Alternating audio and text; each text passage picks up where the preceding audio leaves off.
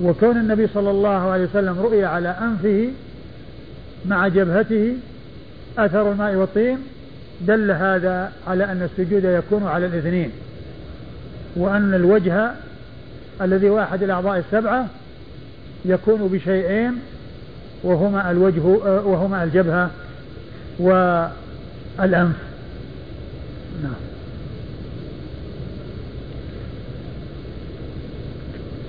قال حدثنا ابن المثنى. حدثنا ابن المثنى وهو محمد بن المثنى العنزي أبو موسى الملقب الزمن. ثقة أخرج له أصحاب الكتب الستة بل هو شيخ لأصحاب الكتب الستة. عن صفوان بن عيسى. عن صفوان بن عيسى وهو ثقة أخرج له. البخاري تعليقا ومسلم وأصحاب السنن. أخرج له البخاري تعليقا ومسلم وأصحاب السنن. عن معمر. عن معمر بن راشد الأزدي البصري ثم اليماني وهو ثقة أخرج له أصحاب الكتب الستة. عن يحيى بن أبي كثير. عن يحيى بن أبي كثير اليمامي وهو ثقة أخرج له أصحاب الكتب الستة. عن أبي سلمة. عن أبي سلمة بن عبد الرحمن بن عوف وهو ثقة فقيه من فقهاء المدينة السبعة في عصر التابعين على أحد الأقوال الثلاثة في السابع منهم.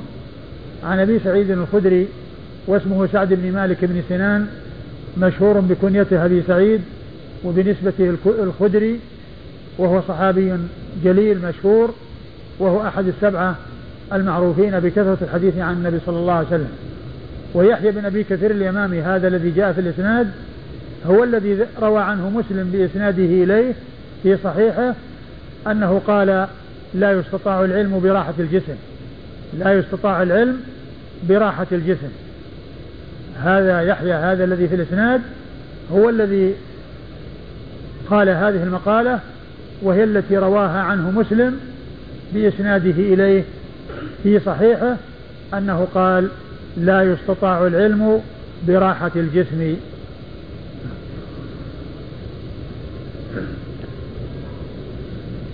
قال حدثنا محمد بن يحيى قال حدثنا عبد الرزاق عن معمر نحوه. ثم قال حدثنا محمد بن يحيى عن عبد الرزاق عن معمر نحوه. يعني نحو الحديث المتقدم بالإسناد والمتن. وال ومحمد بن يحيى هو الذهلي. محمد بن يحيى بن فارس الذهلي ثقة أخرج له البخاري وأصحاب السنن. وعبد الرزاق هو بن همام الصنعاني اليماني وهو ثقة أخرج له أصحاب الكتب الستة. ومعمر قد مر ذكره في الإسناد الذي قبل هذا. هل في الحديث دلالة على أن المصلي لا يمسح ما يعلق في جبهته وأنفه؟ آه ما في الحديث دلالة على أنه لا يمسح؟ لأنه قال رؤية على وجهه أثر المواطين عندما انصرف إلى الناس وعلى وجهه لكن هل هل مسح بعد ذلك؟ لا ندري. أما وهو مستقبل القبلة لم يمسح. لم يمسح لما كان مستقبلا القبلة. ولما انصرف إليهم رأوه وهو على هذه الهيئة وهذه الحالة نعم. قال رحمه الله تعالى باب صفة السجود قال حدثنا الربيع بن نافع أبو توبة قال حدثنا شريك عن أبي إسحاق قال وصف لنا البراء بن عازب رضي الله عنهما فوضع يديه واعتمد على ركبتيه ورفع عجيزته وقال هكذا كان رسول الله صلى الله عليه وآله وسلم يسجد. ثم ورد أبو داود صفة السجود. هذه ترجمة صفة السجود. وهو كل إنسان يسجد معتدلا. لا يكون آآ آآ شاقا على نفسه بحيث يعني يعني كأنه يريد أن يمتد وأن ينبطح على بطنه. من شدة مباعدته فيما بين مقدمه ومؤخره وإنما عليه أن يتوسط فلا يكون بعضه راكبا على بعض كهيئة الكسلان الذي يلصق بطنه بفخذه وفخذه بعقبه فيكون يعني على هيئة الكسل والخمول. ولا أن يرفع نفسه شديدا بحيث أنه يعني يمتد كأنه يريد أن ينبطح على بطنه أو يكاد ينبطح على بطنه. وإنما هو اعتدال وتوسط. اعتدال وتوسط. يمكن جبهته وأنفه ويديه وركبتيه وأطراف القدمين. ويكون متوسطا بين كونه آآ آه، آآ آه، يباعد بين أجزائه بحيث أنه يكون مقدمة بعيدا عن مؤخرة أو آه، رأسه بعيدا عن رجليه بسبب امتداده ومبالغته أو بكونه يكون على هيئة الكسول الذي يلصق بطنه بفخذه وفخذه بعقبه. فلا يعني آه، يرفع يعني مؤخره ولا يعني رفع شديد بحيث يعني كأنه يريد أن ينبط على بطنه ولا أن يلصق بعضه ببعض حتى يكون كله قريب من الأرض وليس على هيئة السجود المشروع الذي هو الاعتدال والتوسط في الأمور. أورد أبو داود حديث ويجافي أيضا ال ال ال يجافي آه يعني آه عضديه عن عن جنبيه ويجافي بينهما في حيث يكون الاعتماد على اليد. ما يكون الاعتماد على الفخذ وأن اليد معتمدة على الفخذ والاتكاء على الفخذ وإنما تكون اليد أخذت نصيبها والاعتماد عليها ويكون مجافيا يعني آه، آه، عضديه عن جنبيه. معتمدا على يديه. هذه صفة السجود. أورد أبو داود حديث آه، البراء بن عازب رضي الله عنه. قال قال أبو إسحاق وصف لنا البراء بن عازب رضي الله عنهما فوضع يديه واعتمد على ركبتيه ورفع عجيزته وقال هكذا كان رسول الله صلى الله عليه وآله وسلم يسجد. وضع يديه واعتمد عليهما واعتمد على ركبتيه أيضا بحيث يكون الثقل على الركبتين. ما يكون الثقل على الركبتين والساقين؟ يعني مثل يعني يكون مثل مثل الافتراش بالنسبة لليدين بحيث تكون اليدين مفروشة على الأرض. ما يكون أيضا اعتماده على على ساقيه وإنما اعتماد على الركبتين. يعني يكون جسمه على ركبتيه. ما هو على يعني ساقيه بحيث يعني يكون بعضه راكب فوق بعض ويكون الساقين ملتصقة بالأرض وإنما الاعتماد على الركبة وجسمه يعني آه، قائم على الركبة. و فاعتمد على آه، يعني وضع يديه واعتمد على ركبتيه. يعني أن جسمه آه، على على الركبة وعلى اليدين وليس على الساقين الذي يكون يلصق بطنه بظهره يلصق بطنه بفخذه وفخذه بساقه.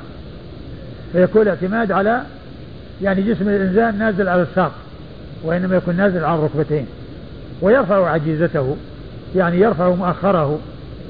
لكن ما يكون يعني فيه مبالغة مثل الإنسان الذي يمتد ويأخذ المسافة طويلة قدام الناس.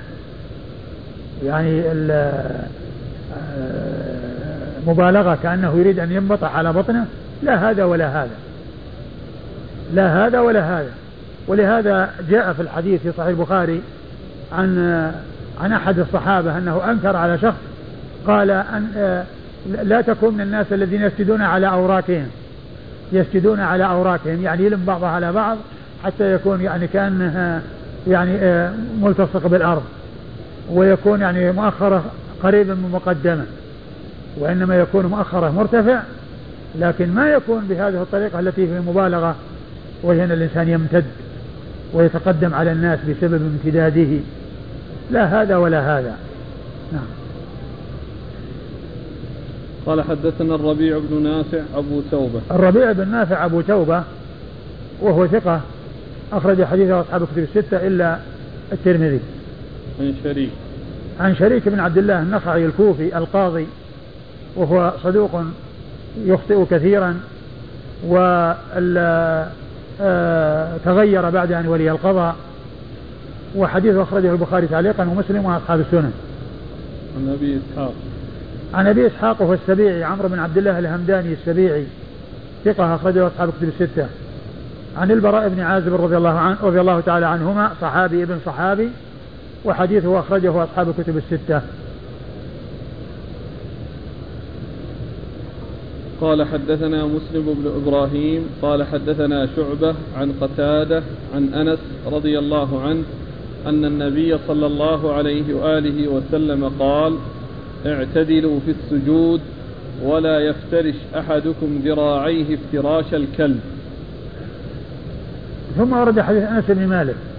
النبي عليه الصلاة والسلام قال اعتدلوا في السجود ولا يبسط أحدكم ذراعيه ولا يفترش أحدكم ذراعيه افتراش الكلب. اعتدلوا في السجود يعني توسطوا يعني بحيث الإنسان يسجد على أعضائه السبعة ويمكنها ويعتمد يعني على ركبتيه وعلى يديه وكل عضو يأخذ حقه من السجود. لا أن يكون على هيئة الكسول الذي يلتصق بالأرض مقدمة ومؤخرة فيفرش ذراعيه ويعتمد على ساقيه ويعتمد على ساقيه. فإن هذه هيئة لا تسوغ وإنما السائغ والمطلوب هو التوسط والاعتدال بين هذه الهيئة التي هي هيئة الكسل والخمول والهيئة الأخرى التي فيها الغلو والزيادة التي يكون الإنسان آه المسافة بين مقدمه ومؤخره بعيدة جدا.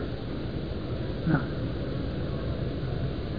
ومتراش الكلب هو أنه يضع ذراعه كلها على الأرض. يضع يعني من من كف كفه وذراعه إلى المرفق كل مبسوط على الأرض. وإنما هو الاعتماد على اليدين. والذراعان يرفعان والمرفقان يرفعان مع المجافاة بحيث أنه ما يعني إلا يعتمد بعضده على فخذيه على جنبيه وبذراعيه على فخذيه وبفخذيه على ساقيه وإنما يجافي بينها. ويجافي بين ال ال بين ال الفخذ والساق بحيث يرفع هذا عن هذا. وكذلك الذراع يؤخره عن الفخذ لا يعتمد عليه. وكذلك العضدان يجافيهما عن الجنبين.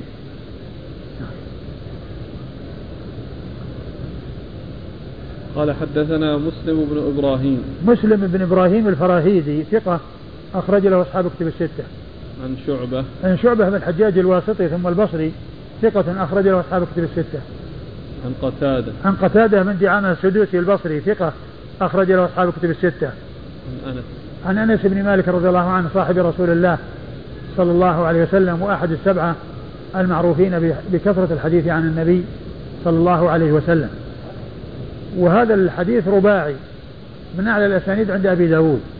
لأن مسلم بن إبراهيم الفراهيدي يروي عن آه، شعبة بالحجاج الواسطي وشعبة يروي عن قتادة بن دعامة السدوسي البصري وقتادة يروي عن أنس بن مالك رضي الله عنه صاحب رسول الله صلى الله عليه وسلم.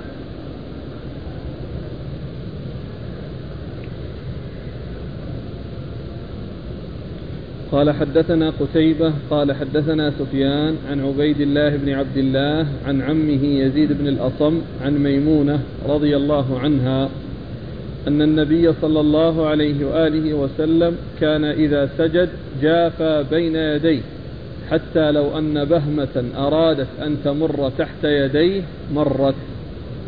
ثم أورد أبو داود, أبو داود رحمه الله حديث ميمونة. وهو يتعلق بصفة بهيئة من هيئات السجود وهي السجود على اليدين وأنه يعتمد عليهما ويجافي يعني يديه عن جنبيه حتى لو أن بهمة وهي السخلة وهي أولاد يعني آه يعني التي من الضأن الصغيرة لو دخلت يعني تحت يعني يديه لفعلت مرت لو أرادت أن تمر لمرت لأنه كان يجافي. يعني آه، آه، عضديه عن جنبيه صلوات الله وسلامه وبركاته عليه. فهذا يدلنا على أنه يعتمد على اليدين وأن أنه يجافى بين العضدين والجنبين. وتصف ميمونة رضي الله عنها وأرضاها سجود رسول الله صلى الله عليه وسلم في يديه أنه لو أرادت سخلة أن تمر بين يديه لمرت.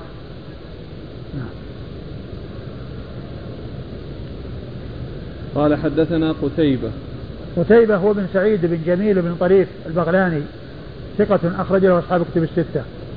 عن سفيان. عن سفيان هو بن عيينة المكي ثقة فقيه أخرج له أصحاب كتب الستة. عن عبيد الله بن عبد الله. عن عبيد الله بن عبد الله بن الأصم وهو ثقة. مقبول. وهو مقبول أخرج له.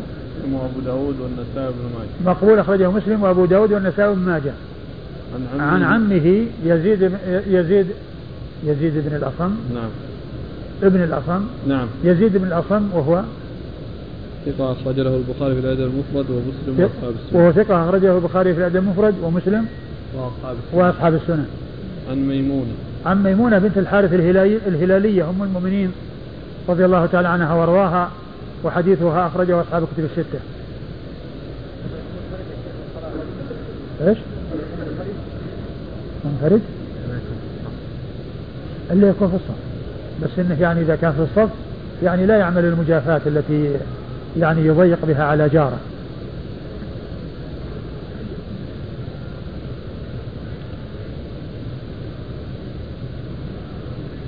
قال حدثنا عبد الله بن محمد النفيلي قال حدثنا زهير قال حدثنا أبو إسحاق عن التميمي الذي يحدث بالتفسير. عن ابن عباس رضي الله عنهما أنه قال أتيت النبي صلى الله عليه وآله وسلم من خلفه فرأيت بياض إبطيه وهو مجخ قد فرج بين يديه ثم ورد أبو داود حديث آه، من هو الصحابي؟ ابن عباس حديث ابن عباس رضي الله تعالى عنهما أنه قال أتيت النبي صلى الله عليه وسلم من ورائه فرأيت بياض إبطيه وهو مجخم آه، قد فرق بين يديه. فرج. قد فرج بين يديه. يعني فرج بين يديه يعني أنه آه، يعني جافاهما عن جنبيه. يعني وهو ساجد. وهذا قيل معناه أنه كان يعني ليس عليه قميص. ولهذا تمكن من رؤية إبطيه صلوات الله وسلامه وبركاته عليه. وهو مجخن يعني قد رفع مؤخره و وإيش؟ وفرق وفرق. وهو مجخن قد فرج بين يديه. وهو وهو مجخن قد فرج بين يديه. فرج بين يديه يعني يعني ما لصقهما ببطنه بل أبعدهما وفرق وفرقهما عن جسده. لو أعدتم مجخن مجخن يعني رفع مؤخره. مجخن يعني يعني رفع مؤخره مثل ذاك اللي عجيزته. رفع عجيزته. لكن قول الخطابي إيش يقول؟ يقول مال قليلا، إيش مال قليلا؟ والله ما أعرف مسألة الميل القليلة ما أعرف إيش معناها. مجخن يعني إنه ساجد.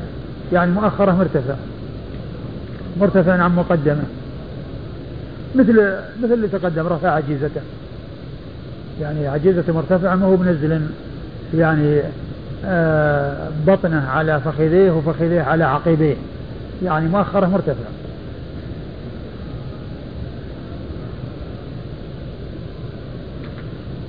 قال حدثنا عبد الله بن محمد النفيلي.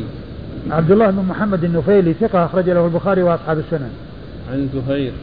عن زهير بن معاوية وهو ثقة أخرج له أصحاب كتب الستة. عن أبي إسحاق. عن أبي إسحاق وهو السبيعي مر ذكره. آه هنا آه يقول الحافظ آه في ترجمة زهير. زهير؟ إيه في رواية عن أبي إسحاق أي أيوه رواية عن أبي إسحاق أي أنها فيها اضطراب بأخرة بأخرة أي نعم أي نعم يعني لكن كما هو معلوم الذي جاء في الحديث جاء في غيره. الذي جاء في الحديث من كونه المجافاة وكونه يعني يرفع مؤخره جاء في غيره من الأحاديث. عن التميمي الذي يحدث بالتفسير. عن التميمي الذي يحدث بالتفسير واسمه أربدة وهو صدوق. أخرج أبو داود. وهو صدوق أخرج له أبو داود. عن ابن عباس. عن ابن عباس عبد الله بن عباس بن عبد المطلب ابن عم النبي صلى الله عليه وسلم وأحد العبادلة الأربعة من الصحابة وأحد السبعة المعروفين بكثرة الحديث عن النبي صلى الله عليه وسلم.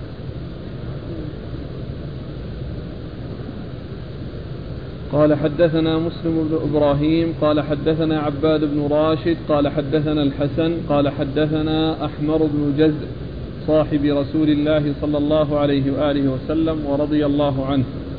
أن رسول الله صلى الله عليه وآله وسلم كان إذا سجد جافى عضديه عن جنبيه حتى نأوي له. ثم أورد أبو داود حديث آه، آه، آه، أسود. أحمر بن جز أحمر بن جز أحمر بن جز رضي الله عنه أنه قال إن النبي صلى الله عليه وسلم كان إذا سجد جاف عضديه عن جنبيه حتى ناويله يعني حتى نشفق عليه. ناوي ناويله أو ناويله يعني نشفق عليه يعني من كونه يعني يعتمد على يديه ويعني وهو يطيل السجود صلوات الله وسلامه وبركاته عليه يعني في لا سيما في صلاة الليل وفي ذلك مشقة. فنأوي له يعني نشفق عليه نشفق عليه يعني من هذه الهيئة. التي فيها مشقة مع طول السجود. نعم. قال حدثنا مسلم بن إبراهيم عن عباد بن راشد. مسلم بن إبراهيم مر ذكره. وعباد بن راشد هو صدوق له أوهام أخرج له صدوق له أوهام أخرجه البخاري. وأبو داود والنسائي وابن ماجه. صدوق له أوهام اخرج حديث البخاري. وأبو داود والنسائي وابن ماجه. عن الحسن. عن الحسن بن أبي الحسن البصري. ثقة أخرج له أصحاب كتب الستة. عن أحمر بن جز. عن أحمر بن جز رضي الله عنه وله هذا الحديث الواحد عند أبي داود ولم يروي عنه إلا الحسن. و وروى له أبو داود وحده. داود بن ماجه. أبو داود بن ماجه.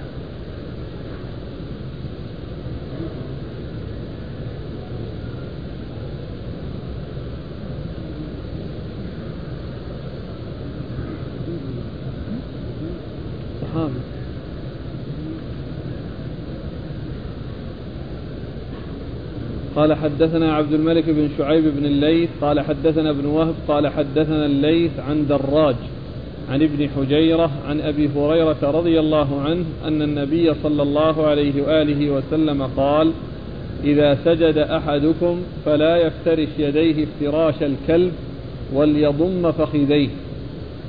ثم أورد أبو داود رحمه الله حديث أبي هريرة رضي الله عنه أن النبي صلى الله عليه وسلم قال يعني إذا سجد أحدكم فلا يفترش افتراش الكلب وليضم فخذيه لأن يعني أنه لا يباعد يعني بينهما. و ال ال ال وافتراش الكلب سبق أن مر وهو أنه يعني يضع ذراعه مع كفيه يعني كل إنسان يضع ذراعه مع كفيه هذه هيئة افتراش الكلب لأن الكلب يبسط يده ويفرشها على الأرض. يفرشها على الأرض. والمصلي إنما يضع كفيه على الأرض ويرفع يديه ويجافي بينهما. نعم.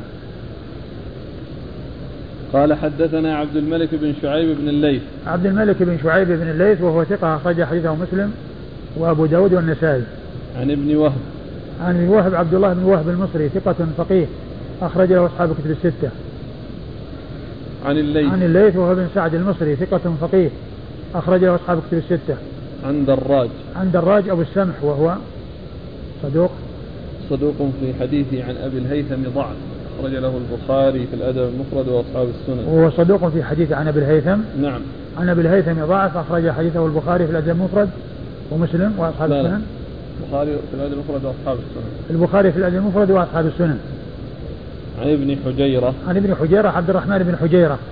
وهو ثقة أخرج له أصحاب الكتب. مسلم وأصحاب السنن. أخرج له مسلم وأصحاب السنن. عن أبي هريرة. عن أبي هريرة رضي الله عنه وقد مر ذكره. قال رحمه الله تعالى باب الرخصة في ذلك للضرورة. قال حدثنا قتيبة بن سعيد قال حدثنا الليث عن ابن عجلان عن سمي عن أبي صالح عن أبي هريرة رضي الله عنه أنه قال اشتكى أصحاب النبي صلى الله عليه وآله وسلم مشقة السجود عليهم إذا انفرجوا فقال استعينوا بالركب. ثم ورد أبو داود آه هذه الترجمة وهي. الرخصة الرخصة؟ في ذلك الرخصة في ذلك للضرورة. أي الرخصة في كون الإنسان يعني يضع آه يعني آه ذراعيه أو مرفقيه على فخذيه. إذا احتاج إلى ذلك يعني يترك المجافات يعني إذا كان المجافات يعني يحصل بطول السجود. لا سيما في صلاة الليل التي يطول فيها السجود ويكون يعني في مشقة يعني كل إنسان يعني يستمر واضعا يديه.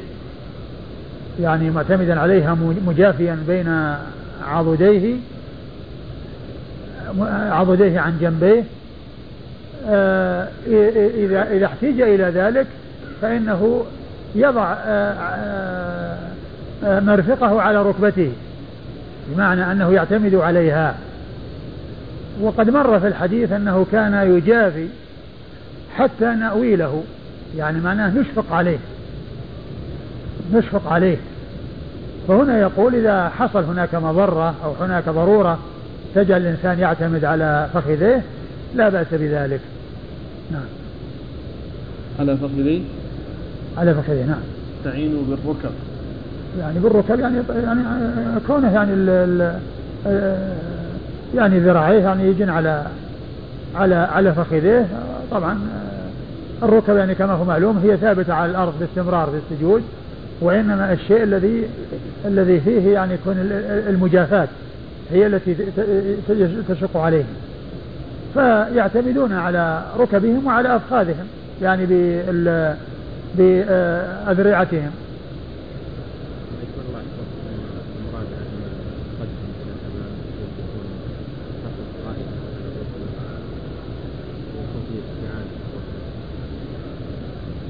كيف تقدم للأمام؟ لا ذاك لا يصلح. ذاك ضد هذاك ضد ركوب الجسم بعضه على بعض. على التكلف. وكما هو معلوم الاستعانة على الركب يعني الركب يعني موضوع على الأرض والإنسان رافع مؤخرة وقد مكن ركبتيه. وإنما المقصود من ذلك هذا الذي مر الذي قال أن نأوي له. يعني من كونه يفرج ويكون في مشقة على الإنسان إذا طال. فهذا يمكن أن يقربه.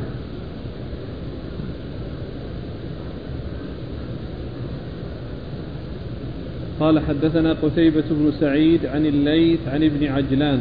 ابن عجلان هو محمد بن عجلان المدني.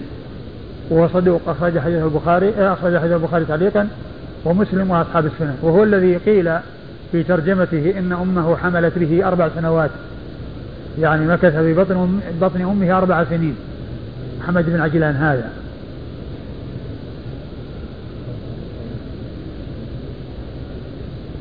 عن سمي عن سمي مولى أبي بكر بن عبد الرحمن بن الحارث بن هشام.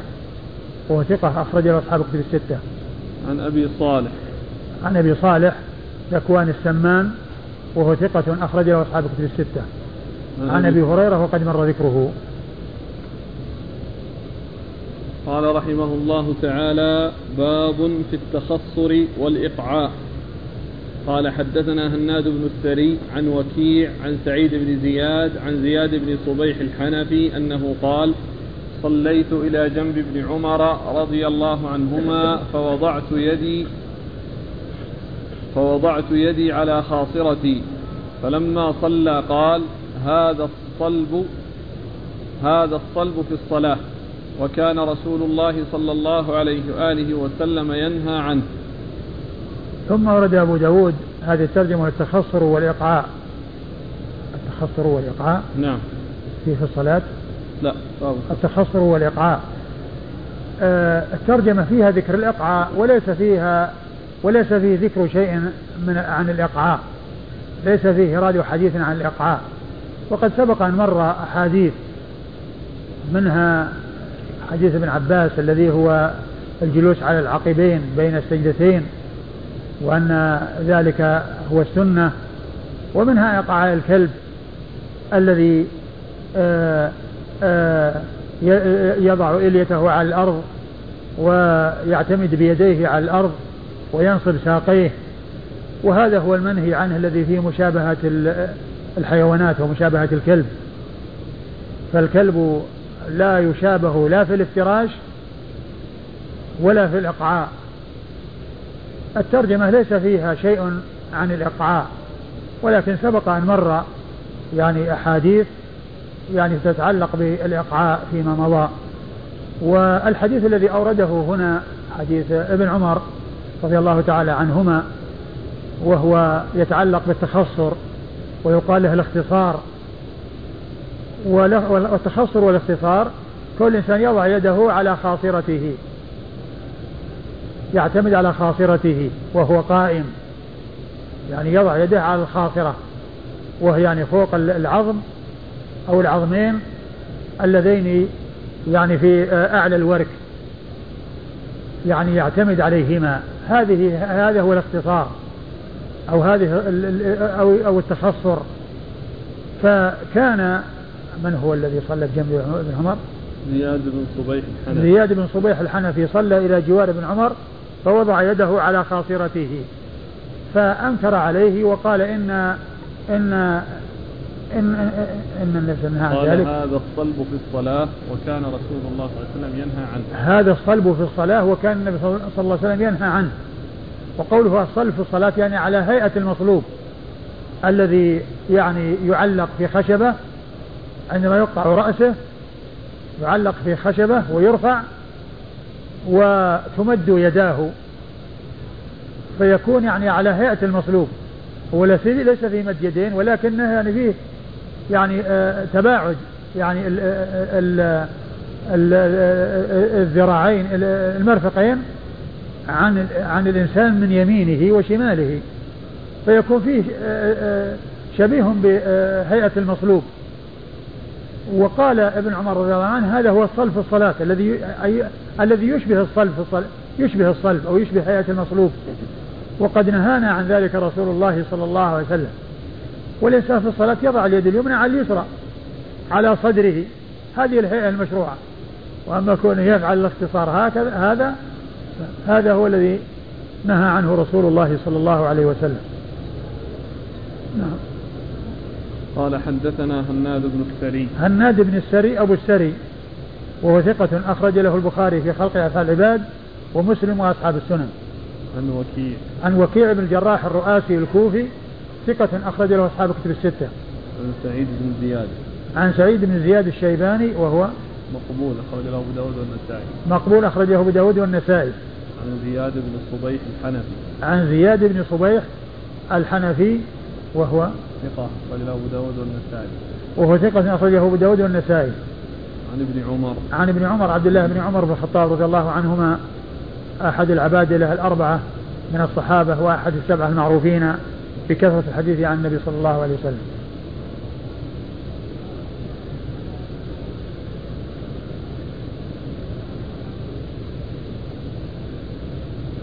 في في متابع لسعيد بن زياد؟ هو ثابت الحديث في البخاري وارد. الحديث وارد في الصحيحين. من حديث ابن عمر؟ لا حديث الاختصار في الصلاة ما أدري عنه. لأن المحشي يقول النسائي بس خرج. لا هو حديث الاختصار. الاختصار في الصلاة جاء في الصحيح.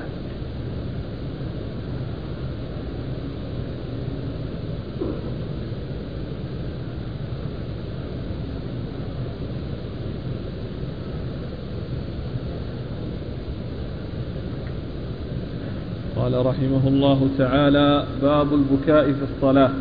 قال حدثني عبد الرحمن بن محمد بن سلام قال حدثنا يزيد يعني بن هارون قال أخبرنا حماد يعني بن سلمة عن ثابت عن مطرف عن أبيه رضي الله عنه أنه قال رأيت رسول الله صلى الله عليه وآله وسلم يصلي وفي صدره أزيز كأزيز الرحى. وفي صدره أزيز كأزيز الرحى من البكاء صلى الله عليه وآله وسلم. ثم ورد أبو داود البكاء في الصلاة. يعني كل إنسان يحصل منه البكاء في الصلاة. لا يؤثر على صلاته. لا يؤثر على صلاته. كونه يعني يحصل منه بكاء في الصلاة. لكن البكاء الذي يحصل من غير تكلف ومن غير أن يعني آه، يتكلفه الإنسان. لا بأس بذلك. ولا يؤثر على صلاة الإنسان. وقد أورد أبو داود رحمه الله حديث عبد الله بن الشخير رضي الله عنه أنه قال رأيت رسول الله صلى الله عليه وسلم يصلي وفي صدره أزيز كأزيز الرحى. يعني من البكاء. يعني صوت الرحاء عندما يكون يطحن بها يعني يطلع لها صوت. ويعني آه، آه، صوت يخرج منها آه، وجاء في بعض الأحاديث أزيز كأزيز المرجل وهو القدر الذي فيه شيء ماء يغلي فإنه يطلع له صوت. فالحديث دال على حصول البكاء من رسول الله صلى الله عليه وسلم في الصلاة ودال على أن البكاء في الصلاة لا يؤثر شيئا والبكاء الذي آه، هو محمود هو الذي يأتي من غير تكلف ومن غير أن يتكلفه الإنسان وإنما يأتي هكذا من غير أن يكون الإنسان فيه قصد وإنما يكون من خشية الله سبحانه وتعالى. نعم. البكاء موافق في الصلاة. البكاء موافقة. شو موافقة؟ بكى الإمام بكى الموت بكى الإمام بكى والله إذا إذا من حصل البكاء ويعني وجهش البكاء من غير ما يتكلف الإنسان ما يضر. لكن كون الناس يتكلفون هذا هو الذي ما يصلح. ولكن إذا يعني آه، بكى وأبكى وبسبب بكائه أبكى هذا ما في تكلف. هذا مثل المرأة الصحابية التي جاءها يعني بعض الصحابة وزاروها وهيجته مع البكاء. يعني بكت وهيجته مع يعني يعني جعلت جعلتهم يعني يبكون يعني سجية وبغير تكلف. نعم. قال حدثنا قال حدثني عبد الرحمن بن محمد بن سلام. قال أبو داود حدثني عبد الرحمن بن محمد بن سلام. وحدثني إذا قال الراوي حدثني يقصد أنه حدثه وحده وليس معه أحد. وإذا قال حدثنا فيكون حدثه ومعه غيره. وقد يقول حدثنا وهو وحده باستعمال ضميرنا كما يستعملها المفرد.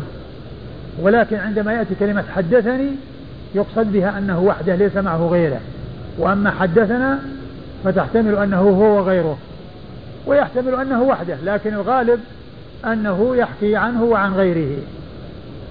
آه، عبد الرحمن بن محمد بن سلام وهو لا بأس به وهي بمعنى صدوق. أخرج حديثه. أبو داود والنسائي. أخرج حديثه أبو داود والنسائي. عن يزيد يعني ابن هارون. عن يزيد يعني ابن هارون وهو الواسطي. وهو ثقة أخرج له أصحاب كتب الستة. قال أخبرنا حماد يعني ابن سلمة. قال أخبرنا حماد يعني ابن سلمة وهو ثقة أخرجه البخاري تعليقا ومسلم وأصحاب السنن. عن ثابت. عن ثابت بن أسلم البناني البصري ثقة أخرج له أصحاب الكتب الستة. عن مطرف. عن مطرف بن عبد الله بن الشخير وهو ثقة أخرجه أصحاب الكتب الستة. عن أبيه. عن أبيه عبد الله بن الشخير رضي الله عنه وحديثه أخرجه مسلم وأصحاب السنن أخرجه مسلم وأصحاب السنن قال رحمه الله تعالى باب كراهية الوسوسة وحديث النفس في الصلاة.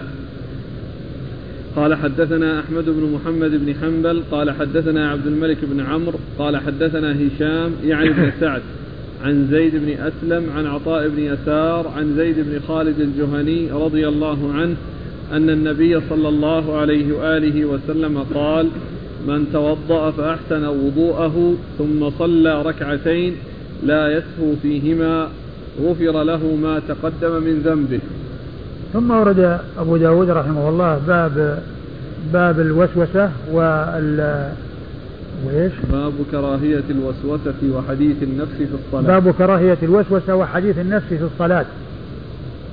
المقصود من هذه الترجمة أن الإنسان يقبل على صلاته ويستحضر ما هو مطلوب فيها ويبعد نفسه عن أن تتحدث بشيء من أمور الدنيا أو من أمور الدين المتعلقة بغير الصلاة مثل مسائل العلم.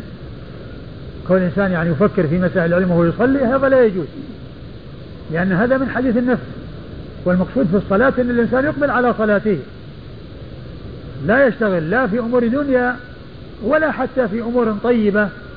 يعني تتعلق بالدين مثل العلم ومسائل العلم والتفكير في العلم لا يحدث نفسه بذلك ويشغل نفسه بذلك وإنما يقبل على صلاته ويستحضر يعني صلاته وما هو مطلوب فيها. هذا هو المقصود بهذه الترجمة. وقد أورد حديث زيد بن خالد الجهني رضي الله تعالى عنه. أن النبي صلى الله عليه وسلم قال من توضأ فأحسن وضوء ثم صلى ركعتين لا لا يسهو فيهما. لا يسهو فيهما يعني لا يحدث نفسه فيهما. لا يسهو فيهما لا يحدث نفسه فيهما يعني معناه أنه مقبل على صلاته. مقبل على صلاته إلا غفر له. لا غفر له ما تقدم من ذنبه. غفر له ما تقدم من ذنبه. غفر له ما تقدم من ذنبه يعني أنها تغفر له الصغائر. وأما الكبائر فإنه لا بد فيها من التوبة. لا بد من التوبة منها حتى تغفر. وإنما الذي يغفر بالأعمال الصالحة وبالأعمال الطيبة هي الصغائر كما جاء ذلك عن رسول الله صلى الله عليه وسلم في قوله الجمعة إلى الجمعة ورمضان إلى رمضان ومكفرات ما بين ما بينهن إذا اجتنبت الكبائر. مكفرات ما بينهن ما اجتنبت الكبائر. يعني معناه أنه لابد من اجتناب الكبائر. وأما كون الإنسان يصر على الكبائر وقد وقع في الكبيرة ولم يتب منها لا تكفرها تلك الأعمال وإنما يكفرها التوبة والخوف والندم. هذا هو الذي يكفر. والله عز وجل يقول إن تجتنبوا كبائر ما تنهى عنه نكفر عنكم سيئاتكم. قال حدثنا أحمد بن محمد بن حنبل أحمد بن محمد بن حنبل الإمام المشهور أحد أصحاب المذاهب الأربعة المشهورة من مذاهب أهل السنة وحديثه أخرجه أصحاب كتب الستة. عن عبد الملك بن عمرو. عن عبد الملك بن عمرو وهو أبو عامر العقدي يأتي أحيانا باسمه وأحيانا بكنيته. فيأتي في بعض الأحاديث أبو عامر كما سبق أن مر بنا في حديث الذي الذي فيه عبد الملك بن مروان الأهوازي يروي عن أبي عامر وأبي داود. هناك ذكره بكنيته وهنا ذكره باسمه عبد الملك بن عمرو. ومعرفة الكنى كنى المحدثين مهمة في علم المصطلح وفائدتها ألا يظن الشخص الواحد شخصين. إذا جاء أبو عامر مرة وجاء عبد الملك بن عمرو مرة يظن أن عبد الملك بن عمرو هو غير أبو عامر. مع أن أبو عامر هو عبد الملك بن عمرو. ذكر مرة باسمه ومرة بكنيته ومرة بكنيته فعبد الملك بن عمرو هذا هو أبو عامر العقدي وهو ثقة أخرج له أصحاب الكتب الستة. عن هشام يعني بن سعد. عن هشام يعني بن سعد وهو صدوق له أوهام. صدوق له أوهام أخرجه البخاري. تعليقا مسلم وأصحاب السنة. أخرجه البخاري تعليقا ومسلم وأصحاب السنة.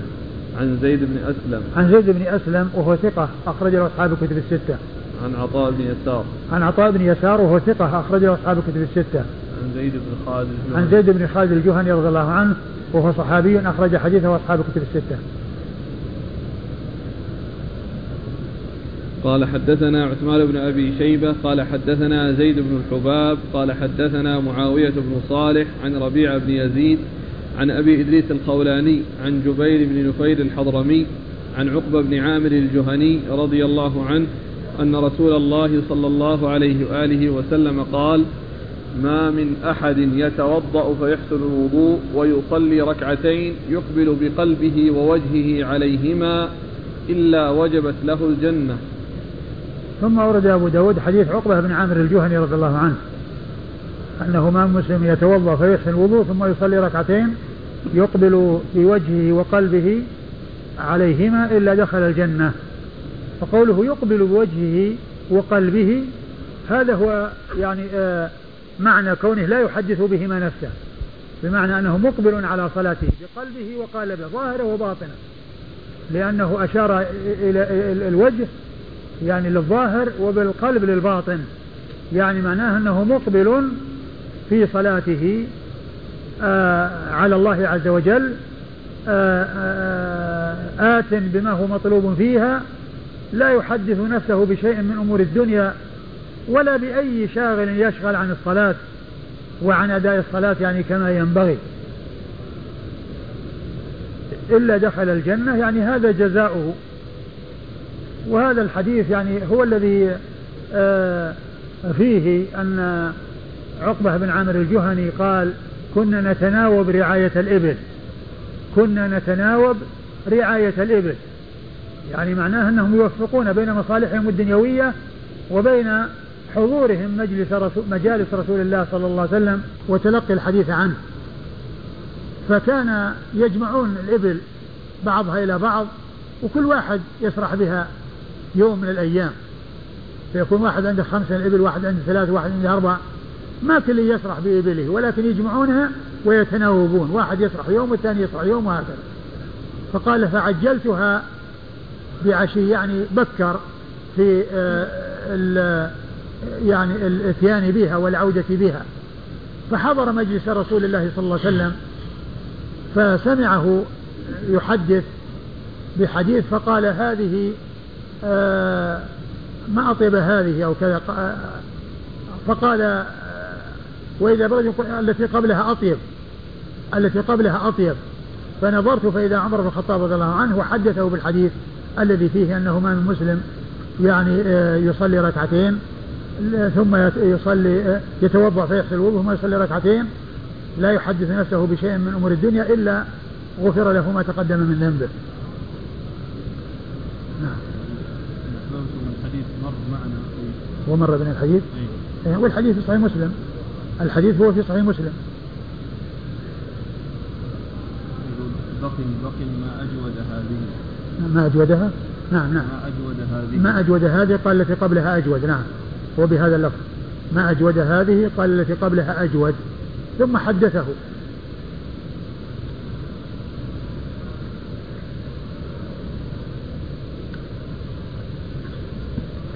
قال حدثنا عثمان بن أبي شيبة. عثمان بن أبي شيبة الكوفي ثقة أخرجه أصحاب الكتب الستة إلا الترمذي. عن زيد بن الحباب. عن زيد بن الحباب وهو صدوق يخطئ في حديث الثوري.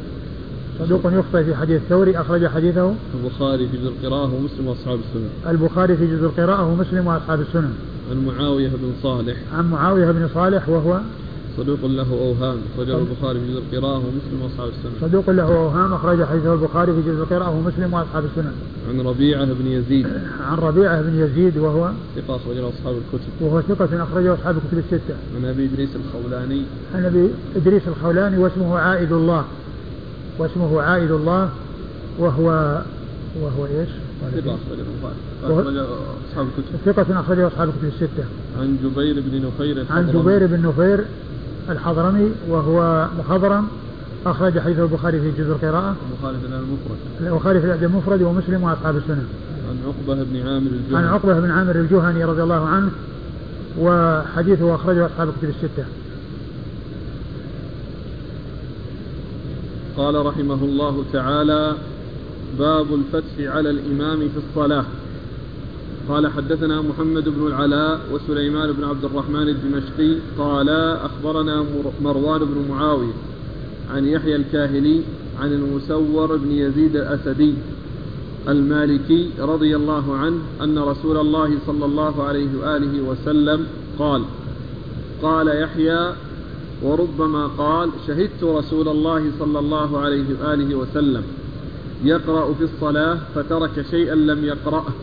فقال له رجل يا رسول الله تركت آية كذا وكذا. فقال رسول الله صلى الله عليه وآله وسلم هل لا أذكرتنيها؟ قال سليمان في حديثه قال كنت أرى أراها نسخت. ثم أورد أبو داود رحمه الله الفتح على الإمام. والفتح على الإمام يكون ب آه، آه، إذا أخطأ في القراءة يعني آه، يفتح عليه بحيث يعني يؤتى بالشيء الذي تركه أو الذي أخطأ فيه. وبالأفعال يعني إذا حصل منه سهو ولا كذا يعني سهو فإنه يفتح عليه بأن يقال سبحان الله. والنساء تصفق كما جاءت بذلك السنة عن رسول الله صلى الله عليه وسلم. وقد أورد آه، والأحاديث التي أوردها أبو داود رحمه الله تحت هذه الترجمة تتعلق بالفتح بالقراءة. أورد أبو داود حديث آه، المسور بن حديث المسور بن يزيد المالكي. الأسدي المالكي. الأسدي المالكي رضي الله عنه أن النبي صلى الله عليه وسلم أو قال شهدت رسول الله صلى الله عليه وسلم صلى صلاة. يقرأ في الصلاة فترك شيئا لم يقرأ يقرأ. في الصلاة فقرأ شيئا فترك شيئا لم لم يقرأه. نعم. أيوه. يعني من ترك آية. نعم. فقال له رجل يا رسول الله تركت آية كذا وكذا. فقال له رجل يعني بدل الفراغ من الصلاة. فقال له رجل يعني بدل الفراغ من الصلاة تركت آية كذا وكذا. وكان فقال له ألا أذكرتنيها؟ يعني ألا يعني فتحت علي بها وأذكرتنيها؟ قال سليمان آه، أراها نسخت. يعني كأنه يعني يعني ذلك الرجل الذي لم يفتح عليه يعني يظن أنها نسخت. يعني نسخت تلاوتها. والزمن زمن التشريع. فكون النبي صلى الله عليه وسلم تجاوز الآية يعني ظن أنه أنها نسخت وأنها يعني لا تقرأ. نعم. قال حدثنا محمد بن العلاء. محمد بن العلاء أبو كريب. محمد بن العلاء بن كريب أبو كريب ثقة أخرج له أصحاب كتب الستة. وسليمان بن عبد الرحمن الدمشقي. وسليمان بن عبد الرحمن الدمشقي وهو صدوق يخطئ أخرجه البخاري وأصحاب السنن. صدوق يخطئ أخرجه حديثه البخاري وأصحاب السنن. عن مروان بن معاوية. عن مروان بن معاوية الفزاري وهو ثقة أخرجه أصحاب الكتب الستة. عن يحيى الكاهلي. عن يحيى بن كثير الكاهلي وهو لين الحديث أخرجه البخاري في جزء القراءة. ولين الحديث أخرجه البخاري في جزء القراءة. و وأبو داود. وأبو داود بس؟ نعم. البخاري في جزء القراءة وأبو داود. عن المسور بن يزيد الأسدي المالكي. عن المسور بن يزيد الأسدي المالكي رضي الله عنه وحديثه أخرجه. البخاري في جزء القراءة وأبو داود. البخاري في جزء القراءة وأبو داود. الحديث يعني فيه من هو لين الحديث لكن وجد أحاديث تدل على ما دل عليه. نعم. هذا الحديث ما فيه الإشكال السابق لأنه يقول آه أن قال إيه اللي قال قال يحيى. قال يحيى نعم. لأنها في أوله في في أول الحديث أول متن. رسول الله صلى الله عليه وسلم أيوه. قال يحيى وربما نعم قال يعني هذا فيه إشكال مثل الإشكالات التي ذكرناها من قبل لأن الإسناد إنما جاء عن طريق هذا ما في شخص ثاني. لأنه لو كان جاء من طريقين وكان أحد الطريقين قال كذا ويحيى قال في طريقه كذا يستقيم. لكن الآن هو ما جاء إلا من طريق واحد. لكنه جاء عن شيخين شيخين هو؟ في الأول, الأول شيخين. نعم في الأول شيخين. يعني هو لو كان أحد الشيخين قال كذا وأحد الشيخين الشيخ الثاني قال كذا يستقيم. لكن كونه يعني يؤتى به على هيئة وعلى لفظ ثم يقال قال يحيى كذا هو هو هو الاسناد كله عن يحيى. الاسناد هو عن يحيى. نعم فهذا فيه مثل الذي قبله.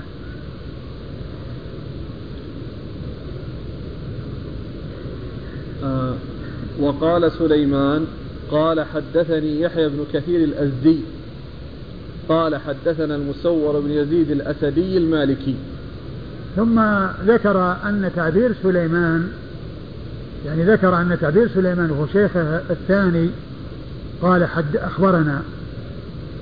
أخبرنا إيش؟ قال حدثني يحيى بن كثير الأزدي قال حدثنا المسور بن يزيد الأسدي المالكي. وهناك في الأول وش قال؟ في الإسناد الأول. عن يحيى الكاهلي. نعم لأنه قال هناك عن يحيى. فهذا لفظ الشيخ الأول. لفظ الشيخ الأول عن يحيى. التعبير بقوله عن يحيى هذا لفظ الشيخ الأول الذي هو محمد بن العلاء. محمد بن العلاء. ولم يذكر وبعدين وعن يحيى بن كثير عن من؟ هناك في الأول عن يحيى الكاهل وعن؟ عن المسور بن يزيد الأسدي. وفيه وفيه عن؟ أي كله. أي نعم يعني في العن عن في الموضعين. وأما الشيخ الثاني فروايته بالتحديد قال حدثني نعم يحيى بن كثير الأزدي. يحيى بن كثير الأزدي. آه. قال حدثنا؟ نعم قال حدثنا المسور قال حدثنا المسور يعني هذا عبر بالتحديث وذاك عبر بالعنعنة الذي هو الشيخ الأول. جزاكم الله خيرا. وبارك الله فيكم. ونفع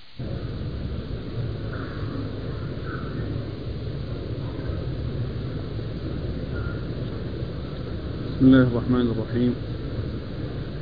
الحمد لله رب العالمين. والصلاة والسلام على عبد الله ورسوله نبينا محمد وعلى آله وصحبه أجمعين. أما بعد قال الإمام أبو داود السجستاني رحمة الله عليه تحت باب الفتح على الإمام في الصلاة. قال حدثنا يزيد بن محمد الدمشقي. قال حدثنا هشام بن إسماعيل. قال حدثنا محمد بن شعيب.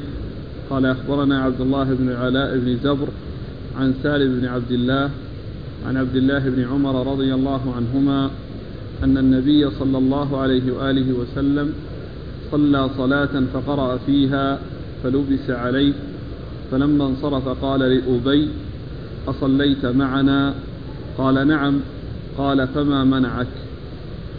بسم الله الرحمن الرحيم. الحمد لله رب العالمين وصلى الله وسلم وبارك على عبده ورسوله نبينا محمد وعلى آله وأصحابه أجمعين. أما بعد فالترجمة هي الفتح على الإمام. باب الفتح على الإمام إذا باب الفتح على الإمام في الصلاة. باب الفتح على الإمام في الصلاة. والفتح على الإمام في الصلاة إذا إذا أخطأ في القراءة أو تجاوز آية فإنه يفتح عليه بأن آه، آه، تقرأ الآية أو يذكر الشيء الذي تجاوزه. حتى يعود إليه ويأتي به ويأتي, ويأتي به. وإن كان في الأفعال فإنه يسبح له يسبح إذا كان رجلا وتصفق المرأة عندما يحصل منه يعني سهو في الأفعال فإنه يسبح له وعندما يحصل منه خطأ في القراءة يفتح عليه. يفتح عليه بأن يقرأ الشيء الذي حصل تجاوزه أو الشيء الذي أخطأ فيه يقرأ على الصواب حتى يرجع إليه ويأتي به. هذا هو الفتح على الإمام. وقد سبق أن مر في هذه الترجمة حديث وحديث المسور بن يزيد حديث المسور بن يزيد المالكي رضي الله تعالى عنه. وأورد بعده حديث عبد الله بن عمر الذي معنا وهو أن النبي صلى الله عليه وسلم صلى صلاة قرأ فيها فلبس عليه في القراءة فلما انصرف قال لأبي أصليت معنا؟ قال نعم. قال ما منعك؟ أي ما منعك أن تفتح علي يعني في هذا الذي حصل لي. ما منعك أي, أي, أن تفتح علي في آه تلك القراءة التي حصل له لبس فيها؟ فهذا يدلنا على الفتح على الإمام إذا حصل منه خطأ وأن ذلك مشروع وسائغ وهو الذي ينبغي لا أنه يترك ولا يفتح عليه. وقد قال بذلك بعض أهل العلم لكن الأحاديث الصحيحة وردت في أنه يفتح عليه ومنه أو من ذلك هذان الحديثان الذي اللذين معنا حديث المسور بن يزيد المالكي وحديث عبد الله بن عمر بن الخطاب رضي الله تعالى عنهما. والإسناد آه، جاء ذكره مختلطا بغيره في الطبعة التي بين أيدينا وكان من حقه أن يوضع له رقم ويكون في أول السطر لأن ذكر لأنه ذكره بعد كلام سبق يتعلق بالحديث السابق فصار كأنه إسناد طويل ولكن دخل بعضه في بعض واختلط بعضه ببعض وكان من حقه أن يوضع في أول السطر وأن يوضع له رقم خاص بالتسلسل الذي هو موجود ولكن ذلك لم يحصل فهو خطأ يعني في الطباعة أو خطأ في الترقيم لأنه أخلي هذا الحديث من الرقم أخلي هذا الحديث من الرقم وأدخل هذا الإسناد ب ب بتنبيه على إسناد سابق يتعلق بالحديث السابق الذي قبله إيش قال فيه في آخر الحديث الأول؟ قال سليمان قال حدثني يحيى بن كثير الأزدي. قال حدثنا المسور بن يزيد الأسدي المالكي. قال سليمان الذي هو شيخ أبي داود في الإسناد الأول الذي قبل هذا لأن له شيخان. الشيخ الأول هو محمد بن العلاء. محمد بن العلاء أبو كريب. والشيخ الثاني هو سليمان بن عبد الرحمن الدمشقي. سليمان بن عبد الرحمن الدمشقي. فهو ذكر الحديث على لفظ محمد بن العلاء لأنه قال عن آه عن عن سعيد بن جبير عن إيش؟ عن قال لا في الآخر في الآخر آخر الذي يروي عن المسور وال والذي يروي الكاهلي ها؟ الذي نعم يحيى يحيى بن كثير الكاهلي قال في الإسناد الأول أو الثاني؟ في الإسناد الأول عن المسور بن يزيد في الإسناد الأول أيوة. مروان بن معاوية قال عن يحيى الكاهلي أيوة. عن المسور بالعن وهنا؟ قال حدثنا قال حدثني يحيى بن كثير. نعم. يعني مروان مروان قال في الإسناد يعني في الإسناد الأول الذي يرويه عنه محمد بن العلاء أبو كريب قال عن يحيى بن كثير عن المسور باللفظ عنه وأما الشيخ الثاني الذي هو سليمان بن عبد الرحمن الدمشقي فإنه قال في إسناده عن مروان أي قال مروان بن معاوية حدثني حدثني يحيى بن كثير الدمشقي يحيى بن كثير الكاهلي سمى نسب نسبه إلى أبيه. يعني في نسبه إلى أبيه وفيه أنه عبر بأخبرني أو حدثني. وأيضا يحيى بن كثير يقول في رواية عن المسور حدثنا. هذا آخر الإسناد الأول. ثم يأتي إسناد جديد وهو حدثنا يزيد. نعم. ابن ابن محمد الدمشقي. حدثنا يزيد بن محمد الدمشقي. هذا أول الإسناد هذا أول إسناد حديث عبد الله بن عمر. وأما الذي قبله أو قبل هذا هذا الإسناد الذي يبدأ ب يعني يزيد آه، آه، يزيد بن؟ يزيد بن محمد الدمشقي. يزيد بن محمد الدمشقي الذي قبله تابع الإسناد الذي قبله. تابع الحديث الذي قبله. لأن المسور ابن يزيد المالكي المسور ابن يزيد المالكي هو الصحابي. والآن هنا صار كأنه هو يروي عن شيخ أبي داود. كأنه بهذه الطريقة يروي لأنه ركب يعني إسناد على إسناد أو لفظا على لفظ. فصار الصحابي كأنه يروي عن شيخ أبي داود. مع أن ذاك تابع للحديث الأول وهذا يأتي حديث جديد ومن حقه أن يأتي في أول السطر. فإذا حدثنا يزيد بن محمد الدمشقي من حقه أن يكون في أول السطر لأن هذا كلام أبي داود. أبو داود هو الذي قال حدثنا يزيد بن محمد الدمشقي هو الذي قال حدثنا يزيد بن محمد الدمشقي قال الذي قال هذا أبو داود.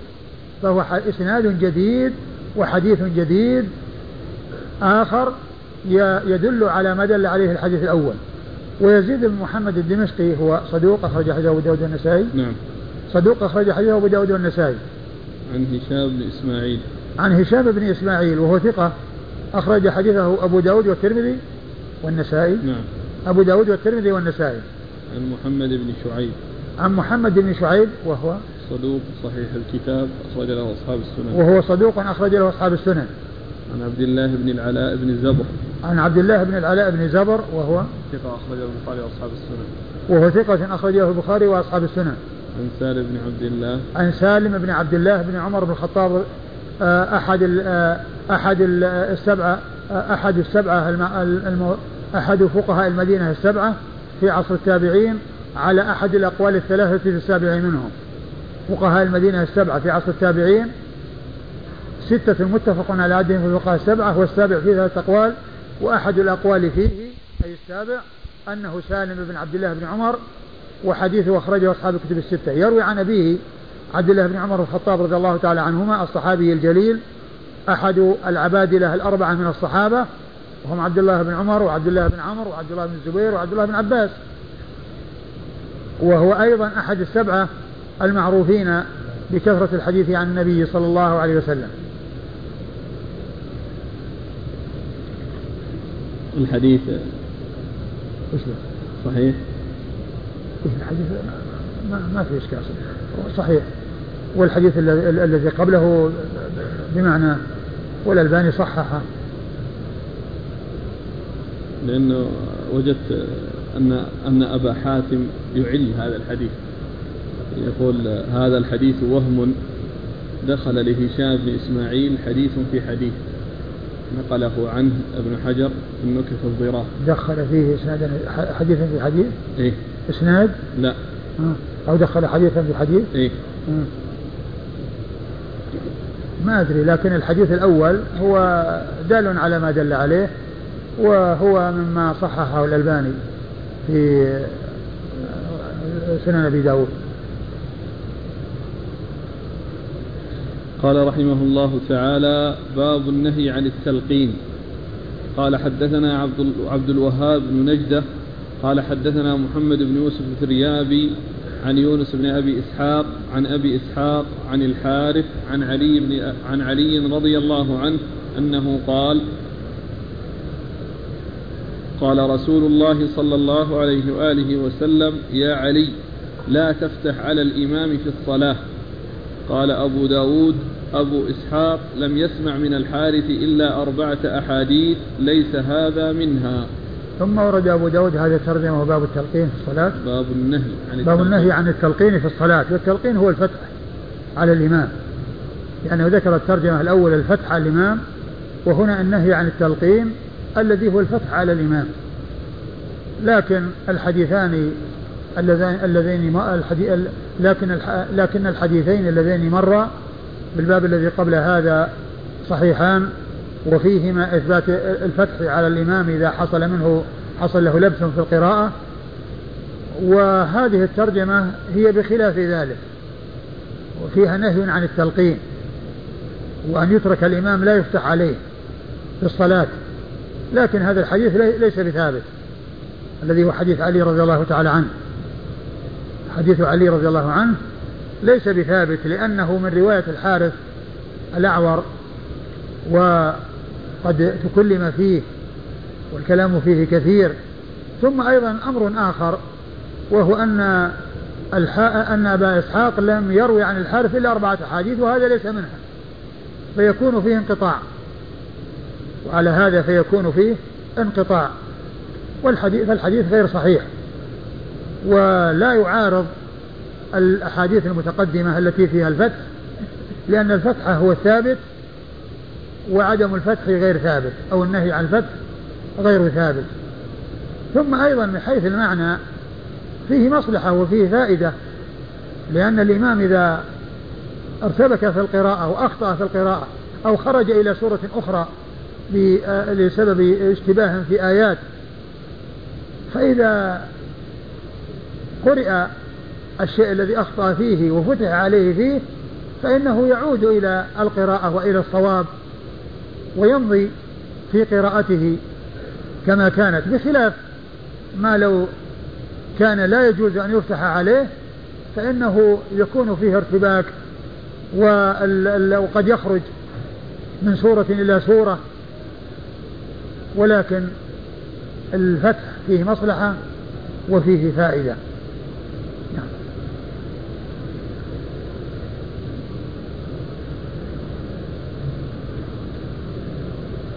قال حدثنا عبد الوهاب بن نجدة. حدثنا عبد الوهاب بن نجدة وهو ثقة أخرجه أبو داود النسائي. وهو ثقة؟ نعم. أخرجه أبو داود والنسائي. عن محمد بن يوسف الفريابي. عن محمد بن يوسف الفريابي وهو ثقة. أخرجه أصحاب كتب الستة. عن يونس بن أبي إسحاق. عن يونس بن أبي إسحاق وهو صدوق يهم قليلا. صدوق يهم قليلا أخرج له أصحاب كتب الستة. البخاري في جزء القراءة. البخاري في جزء القراءة ومسلم وأصحاب السنن عن أبي إسحاق. عن أبي إسحاق. وهو السبيعي عمرو بن عبد الله الهمداني السبيعي ثقة أخرجه أصحاب كتب الستة. عن الحارث. عن الحارث بن عبد الله الهمداني المشهور بالأعور وهو صدوق إيش؟ في حديثه ضعف. لا صدوق إيش؟ في حديث ضعف. وكذبه الشعبي كذبه عامر الشعبي وتكلم فيه غير واحد.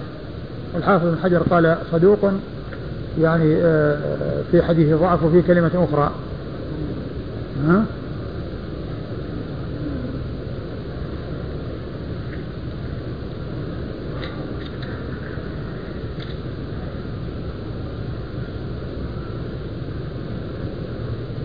صدوق كذبه الشعبي وليش؟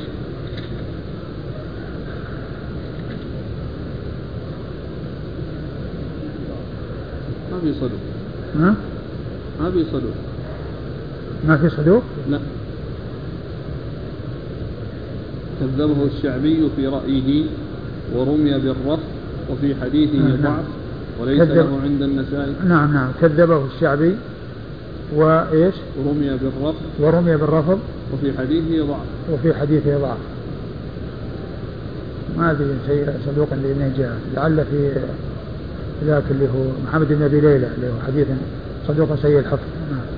نعم. هو غير غير حجة الذي هو أقول لا يحتج به الذي هو الحارث الأعور هذا. ثم أيضا فيه انقطاع بين بينه وبين أبي إسحاق وبينه كما جاء في كلام أبي داود الذي أتى به عقب الحديث. لأنه قال لم يسمع إلا أربعة حديث وهذا ليس منها. عن علي. عن علي بن أبي طالب أمير المؤمنين ورابع الخلفاء الراشدين الهادين المهديين آآ آآ حديثه أخرجه أصحاب الكتب الستة.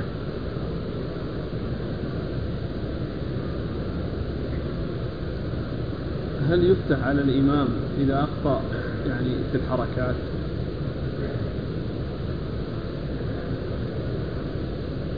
والله إذا كان إنه الشيء يحيل المعنى يفتح عليه وأما إذا كان ما يحيل المعنى يعني الأمر سهل. طيب إذا كان الإمام يغضب. إذا كان إيش؟ الإمام يغضب. ي- إيش؟ يغضب. يسوي؟ يغضب. نعم. إذا فتح عليه؟ أي. لو فتح إذا ما فتح عليه يعني آه، يبقى في لا هو هو إنه إيش حفظه يعني يترك بعض الآيات.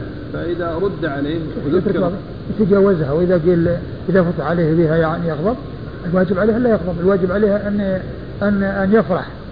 كان عليه أن يفرح ويسر لأنه لم يترك على تجاوزه بعض الآيات بل كونه فتح عليه وأتى بالصواب وأتى بالحق ولم يتجاوز شيئا. يعني هذا غلط من الامام كونه يغضب.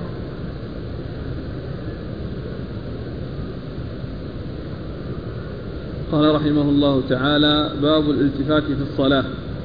قال حدثنا أحمد بن صالح قال حدثنا ابن وهب قال أخبرني يونس عن ابن شهاب أنه قال سمعت أبا الأحوص يحدثنا في مجلس سعيد بن المسيب قال قال أبو ذر رضي الله عنه قال رسول الله صلى الله عليه وآله وسلم لا يزال الله عز وجل مقبلا على العبد وهو في صلاته ما لم يلتفت فإذا التفت انصرف عنه.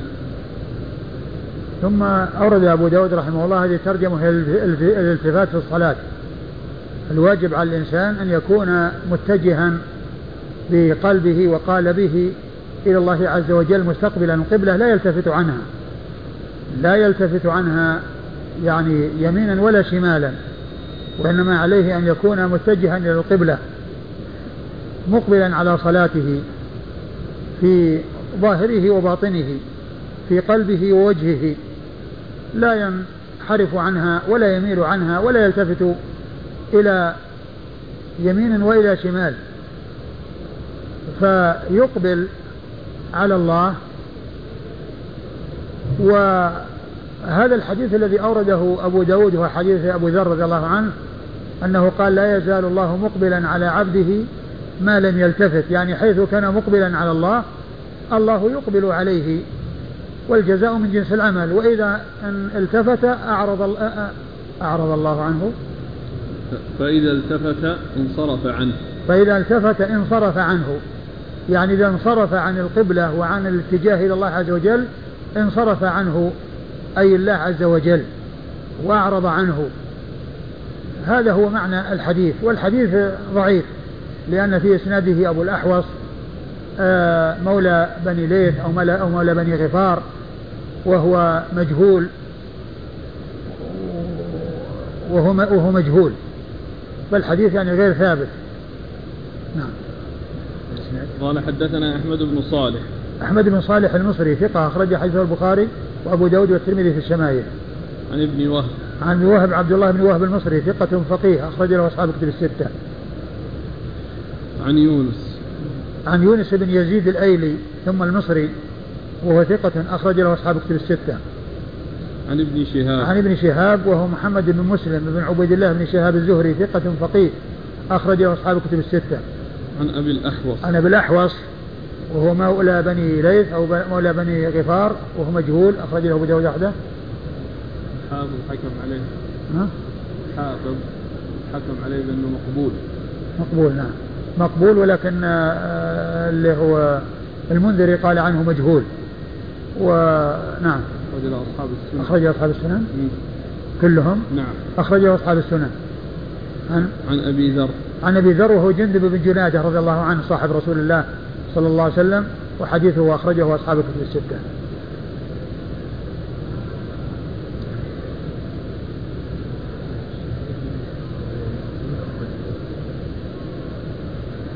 هو الحافظ بن حجر عنه قال عنه مقبول لكن المنذري قال عنه مجهول يعني في الحاشية إيش قال عنه؟ أبو الأحوص مولى بني ليث أو مولى بني غفار أي ليس بشيء يقول من ابن معين. ابن معين. أي هو إيش؟ وقال غيره. أيوه.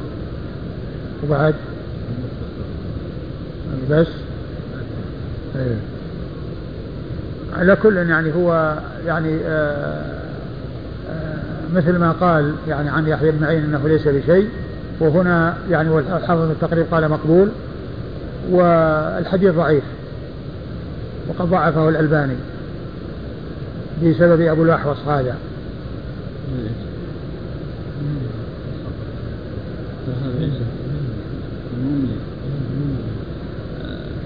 الأخوة نقلوا أن أن الشيخ الألباني يعني ضعفه في السنن لكن صححه في صفة الصلاة وحسنه في الترغيب. إيه لكن إيش قال يعني فيه يعني فيه شيء يعني شاهد له متابع لهذا الذي هو مقبول؟ يقول آه، هذه من حاشية الترغيب حاشية صحيح الترغيب والترهيب قال المملي الحافظ عبد العظيم أبو الأحوص هذا لا يعرف اسمه لم يروي عنه غير الزهري وقد صحح له الترمذي وابن حبان وغيرهما. بس مجرد تصحيح الترمذي وابن حبان يعني ما هو ما هو هو الذي يعني يعني يكفي في هذا لكن كان في شيء آخر يعني غير هذا. يعني صحح الحديث ولا صحح صححه؟ للشخص؟ اي لا الكاتب العبارة صحح له. آه. يعني كان للشخص. هذا إيه؟ نعم. هو في مشكاة المصابيح وفي يعني ذكره تضعيفه بسبب هذا. ما له شواهد هذا؟ والله ما أعلم يعني شيء. أما فيه الحديث الذي فيه آه، آه، طبعا ذاك في البصار. فإن الله قبل وجهه. الالتفات المراد به بالوجه ولا بالقلب؟ الانصراف عنه الانشغال. هو المقصود هنا الالتفات في الصلاة الالتفات اللي هو بالوجه. وهذا المقصود بالالتفات في الصلاة. الذي يعني عقد الترجمة من أجله هو الالتفات في الصلاة الذي هو التفات بوجهه كونه يلتفت يمينه وشماله. هذا هو الذي عقدت له الترجمة. وأما الالتفات الإقبال بالقلب وعدم الالتفات هذا يتعلق بالترجمة التي آه، النهي الوسوسة وحديث النفس. الوسوسة الذي مر قبل هذا يعني لا يحدث نفسه. هذا هو الذي فيه الإقبال بالقلب. وعدم الانشغال بحديث النفس أو بأي شاغل يشغل عن الصلاة هذا هو الذي يتعلق بحديث إقبال القلب وعدم إعراضه والتفاته. وأما هذه الترجمة هي معقودة للالتفات يعني بالوجه.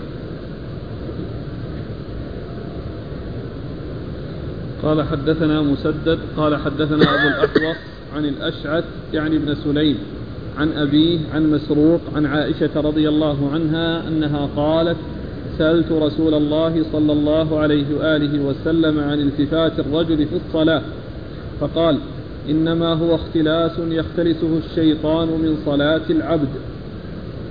ثم ورد أبو داود حديث عائشة رضي الله عنها أنها سألت رسول الله صلى الله عليه وسلم عن الالتفات في الصلاة فقال إنه اختلاس يختلسه الشيطان من صلاة العبد.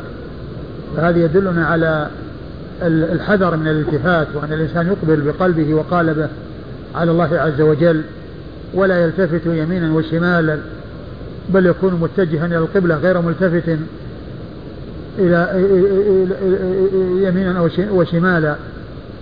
و وفيه أن هذا من عمل الشيطان الذي هو الاختلاس أو الذي هو الالتفات في الصلاة أنه من عمل الشيطان لأنه اختلاس يختلسه من صلاة العبد. وفيه أن فيه إنقاص لها لأن الاختلاس يعني فيه شيء من النقص ويترتب عليه نقص اختلاس الشيء وأخذه فإنه يترتب عليه النقص وفيه يعني إنقاص الصلاة أو حصول النقص فيها. نعم. قال حدثنا مسدد. مسدد هو بن مسرحد البصري ثقة. أخرج حديث البخاري وأبو داود والترمذي والنسائي. عن أبي الأحوص. عن أبي الأحوص وهو سلام بن سليم الحنفي وهو ثقة أخرج له أصحاب الكتب الستة.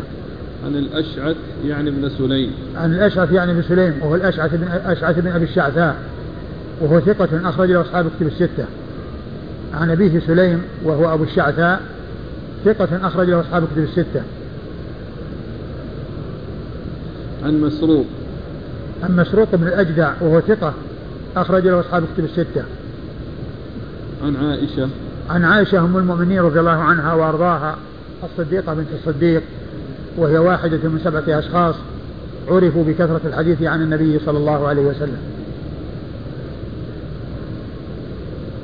آه الالتفات ما يدخل فيه يعني بالعين.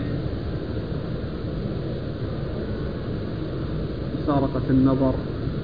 والله الذي يبدو أن الالتفات هو في الوجه أما مجرد كون الإنسان يعني يميل نظره يمينا أو شمالا مع أنه متجه للقبلة هذا ما فيه التفات ولكنه يعني فيه يعني آه، آه، صرف النظر عن جهة الأمام إلى جهة اليسار قليلا أو إلى جهة اليمين قليلا.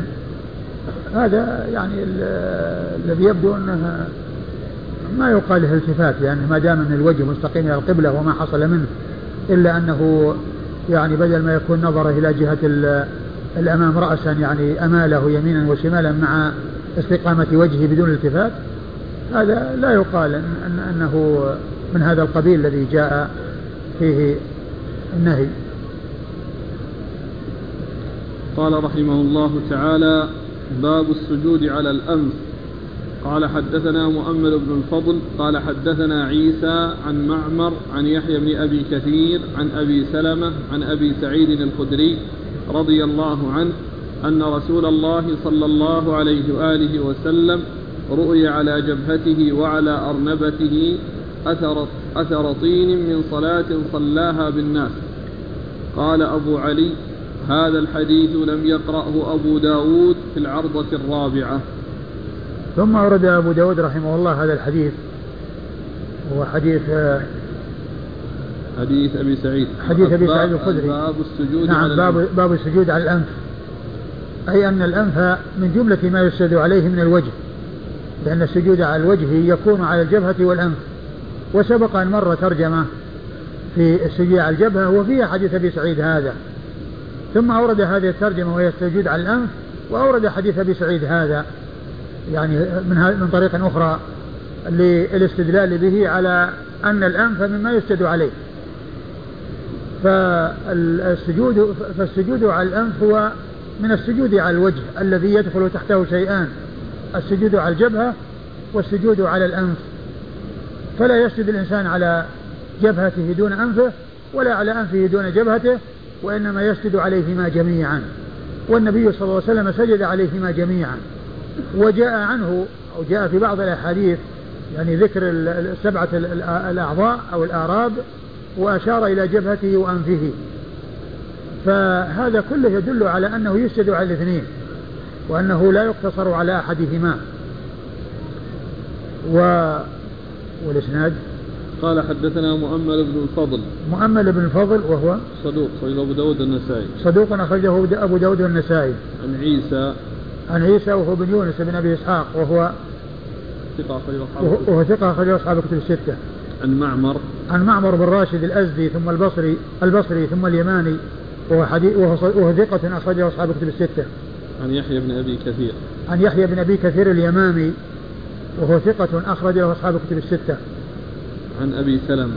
عن أبي سلمة بن عبد الرحمن بن عوف وهو ثقة فقيه أحد فقهاء المدينة السبعة في عصر التابعين على أحد الأقوال الثلاثة في السابع منهم وحديثه أخرجه أصحاب الكتب الستة.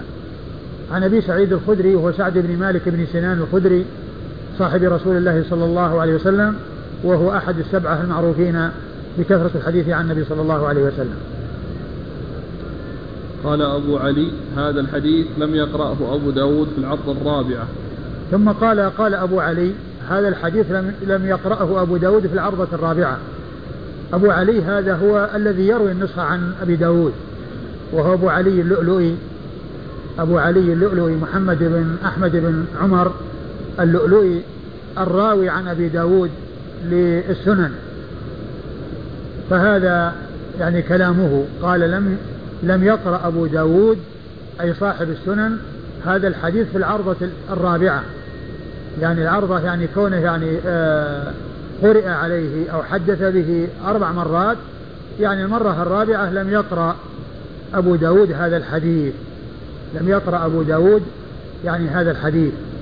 والعرض هو القراءة على الشيخ والتحديث هو كون الشيخ آه، يحدث بنفسه.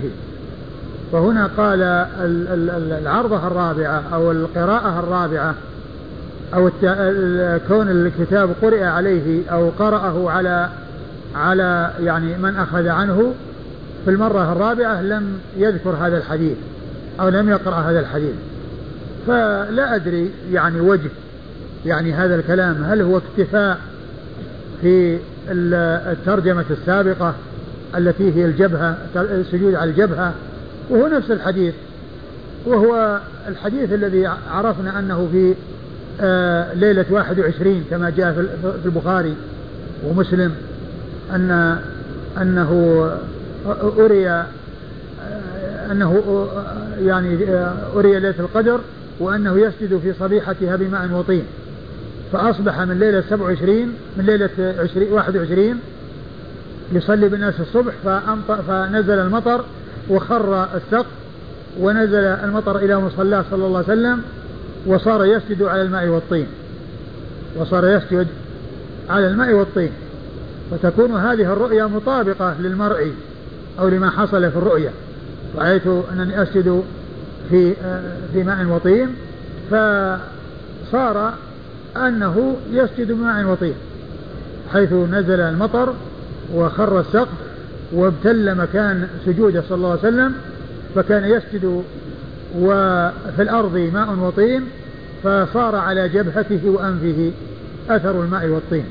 فلا أدري يعني كونه لم يقرأ هل هو يعني اكتفاء بالباب السابق الذي فيه الحديث نفسه والذي هو دال على الأمرين جميعا وهما الجبهة والأنف أو ماذا؟ لا أدري الله أعلم. نعم. قال رحمه الله تعالى باب النظر في الصلاة. قال حدثنا مسدد قال حدثنا أبو معاوية قال حاء وحدثنا عثمان بن أبي شيبة قال حدثنا جرير وهذا حديثه وهو أتم. عن الأعمش عن المسيب بن رافع عن تميم بن طرف الطائي عن جابر بن سمرة رضي الله عنهما قال عثمان هو ابن أبي شيبة قال دخل رسول الله صلى الله عليه وآله وسلم المسجد فرأى فيه ناسا يصلون رافعي أيديهم إلى السماء ثم اتفقا فقال لينتهين رجال يشخصون أبصارهم أو يشخصون أبصارهم إلى السماء. قال مسدد في الصلاة أو لا ترجع إليهم أبصارهم. ثم ورد أبو داود رحمه الله النظر في الصلاة. والمقصود بالنظر في الصلاة أن الإنسان ينظر إلى مصلاه ولا ينظر إلى السماء ولا يلتفت يمينا فينظر يمينا ولا يلتفت شمالا فينظر شمالا وإنما ينظر إلى مكان مصلاه. أورد فيه أبو داود رحمه الله حديث جابر بن سمرة رضي الله تعالى عنه أن النبي صلى الله عليه وسلم دخل المسجد وفيه أناس يصلون وقد رفعوا أيديهم إلى السماء وكذلك يعني أبصارهم إلى السماء فقال عليه الصلاة والسلام لينتهي أن أقوام عن لينتهين رجال يشخصون أبصارهم إلى السماء. لينتهين أبصار رجال يشخصون أبصارهم إلى السماء أو أو لا ترجع إليهم. أو لا ترجع إليهم. يعني أنه إما أن يحصل أنهم ينتهون فلا يرفعون أبصارهم إلى السماء أو أنهم يعاقبون بفقد الأبصار وأنهم يفقدونها فلا ترجع إليهم. فيحصل لهم العمى ويسلبون هذه النعمة. فهذا يدل على خطورة آه، آه، مثل هذا العمل.